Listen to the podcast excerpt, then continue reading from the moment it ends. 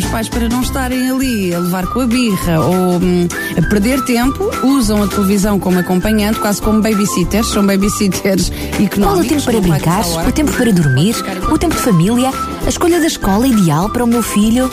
Conselhos, dicas e orientações para pais e educadores. Nota educativa com a educadora de infância Gabi. Dia 1 de outubro, a passada terça-feira, foi Dia Mundial da Música. Nós queremos dar-lhe música, mas música à séria, e falar hoje também da importância da música no desenvolvimento da criança, o papel educativo lúdico da música. Para isso está hoje uma vez mais connosco aqui a educadora Gabi. Olá Gabi, bem-vinda. Olá a todos. Eu lembro que quem nos está a ouvir, sempre que quiser, pode participar eh, via SMS ou pelo nosso Facebook. Pode até colocar perguntas sobre este tema ou avançar com propostas, sugestões de outros assuntos que gostaria de ouvir aqui abordados neste grande, grande, grande uh, cesto de temas que estão dentro da educação. Hoje falamos então sobre a música e os contactos uh, para nos dar o seu feedback, então 933 912 via SMS 933 912 ou pelo nosso Facebook. Vamos lá então, Gabi. Uh, eu quero-me parecer que a música é algo que faz parte uh, do cotidiano de todos nós, mas da criança mesmo antes dela ser concebida, não é? Fala-se muito em aulas de música uh, ou música para bebés Sim. e até quando, a grave, quando, quando o bebê está na barriga da mãe. Sim, costuma-se dizer que as mães podem pôr os auscultadores, não é? Os headphones junto à sua barriga para o bebê que está lá dentro a poder ouvir, porque segundo os cientistas dizem, a audição é dos primeiros sentidos a ser eh, desenvolvido dentro do, do ventre materno. Portanto, o bebê, logo de início, capta tudo o que lhe é dado a ouvir. E como tu bem disseste, faz parte do nosso dia a dia, da, maior, da maioria das pessoas, nem que seja pelo rádio no carro ou na cozinha, não é? Quando as mães estão a cozinhar. Há músicas para todos os gostos. Há, há músicas para todos os e depois gostos. também tem uh, as diferentes reações. Há músicas que acalmam, há músicas uh, que irritam, há músicas Obviamente que nos deixam excitam. mais excitados. Sim, exatamente. Obviamente há músicas por vezes que nos fazem pensar na vida, como a minha filha costuma dizer, e que nos entristecem, não é? Ou que nos tornam mais melancólicos. Há músicas que nos aproximam mais de Deus, Tal é? há músicas qual. que são verdadeiras orações ou verdadeiros uh, espelhos do que nos vai na alma. Exatamente, e é uma forma de expressão muito forte e nos dias que correm, com todas as facilidades que nós temos hoje em dia de ter nos telemóveis, nas tablets, nos computadores, temos acesso fácil,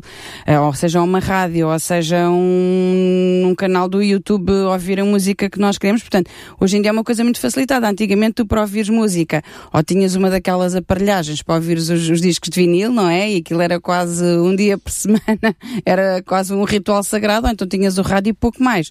Hoje em dia, realmente, até, até nisso, a música está muito mais acessível e está muito mais facilitada. E qual é então a importância da música no desenvolvimento infantil?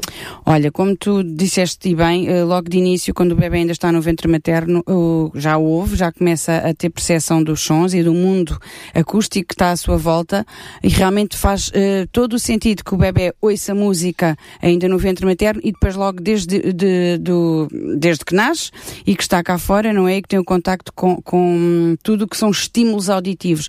E realmente a música será um estímulo auditivo que não é agressivo, não é? Porque imagina que tens um carro a buzinar à tua porta, isso também é som, mas é agressivo. Mas música será um estímulo não agressivo e que eh, vai desenvolver áreas do cérebro que de outra forma não serão desenvolvidas.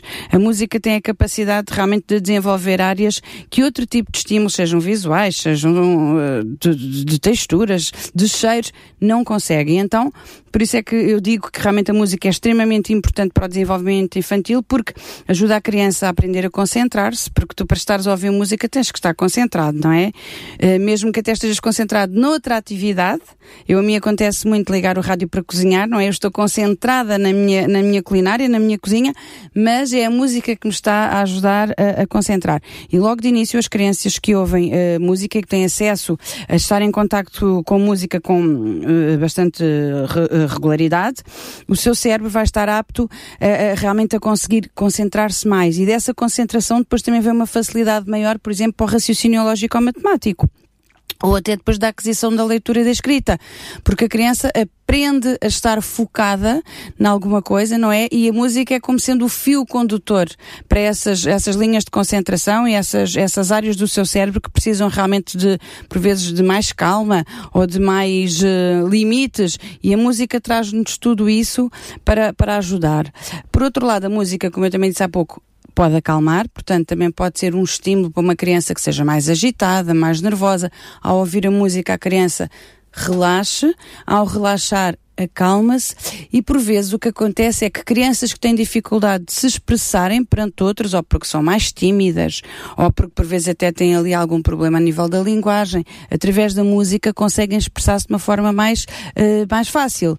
Um, por exemplo, a música é uma coisa muito curiosa. Se tu tens uma criança que é gaga, ela quando está a cantar não gagueja, não é? E, mas porquê? É uma coisa, é, faz-nos pensar de uma criança que tem dificuldade em expressar-se, quando está a cantar é capaz de cantar ali a letra de uma música do princípio ao fim, sem qualquer problema. Agora imagina para a autoestima de uma criança a importância que isso tem. Portanto, a música deve fazer parte realmente desde o início, não só o, o ouvir, mas também podermos participar com canções, não é? As crianças geralmente adoram cantar uh, e tu vais ver que ao aprenderem a letra de uma canção também estão a utilizar a sua memorização, portanto a sua capacidade de memorização também vai ser sendo estimulada logo desde o início, aprende realmente o desenvolvimento da fala, porque através da, da, da, das letras das músicas aprende-se imensa coisa. A criança esforça-se por dizer bem, para imitar aquilo que está a ouvir e por outro lado o seu vocabulário também vai aumentando, não é? Porque vai aprendendo coisas novas através das letras das músicas e hoje em dia há uma imensidão de músicas destinadas ao público infantil com temas próprios, seja de animais, seja da quinta, da quinta, dos alimentos, das profissões, quer dizer, do ABC, tu hoje em dia podes aprender quase tudo, até a tabuada, através de, de música. E as escolas com música são escolas também mais felizes e criativas? A música como uh, material didático? Completamente e cada vez mais. Eu parece-me que tanto os professores como os pais estão mais sensíveis a isso e podendo ter uma atividade extracurricular uh, dentro da escola, a música muitas vezes é, é, escolhida por todos os motivos que eu já referi e por outros uh, que tu agora também falaste, a nível da criatividade, por exemplo, uma criança quando lhe é proporcionado o acesso a um, a um instrumento musical também está a estimular a sua criatividade, não é? Porque vai descobrir que o instrumento ora toca sons baixinhos, ora toca sons muito altos e tudo depende realmente do, da força que ela fizer uh, ou, ou, do, portanto, do input que ela der ao instrumento e tudo isso vai também ajudar a estimular a criatividade, tal como o simples facto de estarem deitados no chão de uma sala a fazerem uma atividade física ao som de música, o, o seu corpo também se vai expressar de formas diferentes de acordo com o tipo de música que vai estar estar a ouvir. Obviamente que a criatividade vai sendo sempre, e a mesma própria fantasia, vão sendo sempre estimuladas uh, com, a, com a presença da música. Por outro lado, e como eu disse há bocado, a música também pode servir de calmia, de relaxamento e uma sala de aula, eu conheço entretanto vários professores que utilizam isso, em sala de aula, quando é tempo de trabalho, trabalho de pesquisa, trabalho de, imagina elaboração de uma composição, de um texto escrito, tem música, uh, muitas vezes música clássica até a acompanhar esses momentos, para ajudar realmente as crianças crianças a acalmar, para ajudar a focarem-se e ao mesmo tempo, ao mesmo tempo estão a aprender e estão a conhecer músicas que se calhar de outra forma não teriam acesso a elas, não é?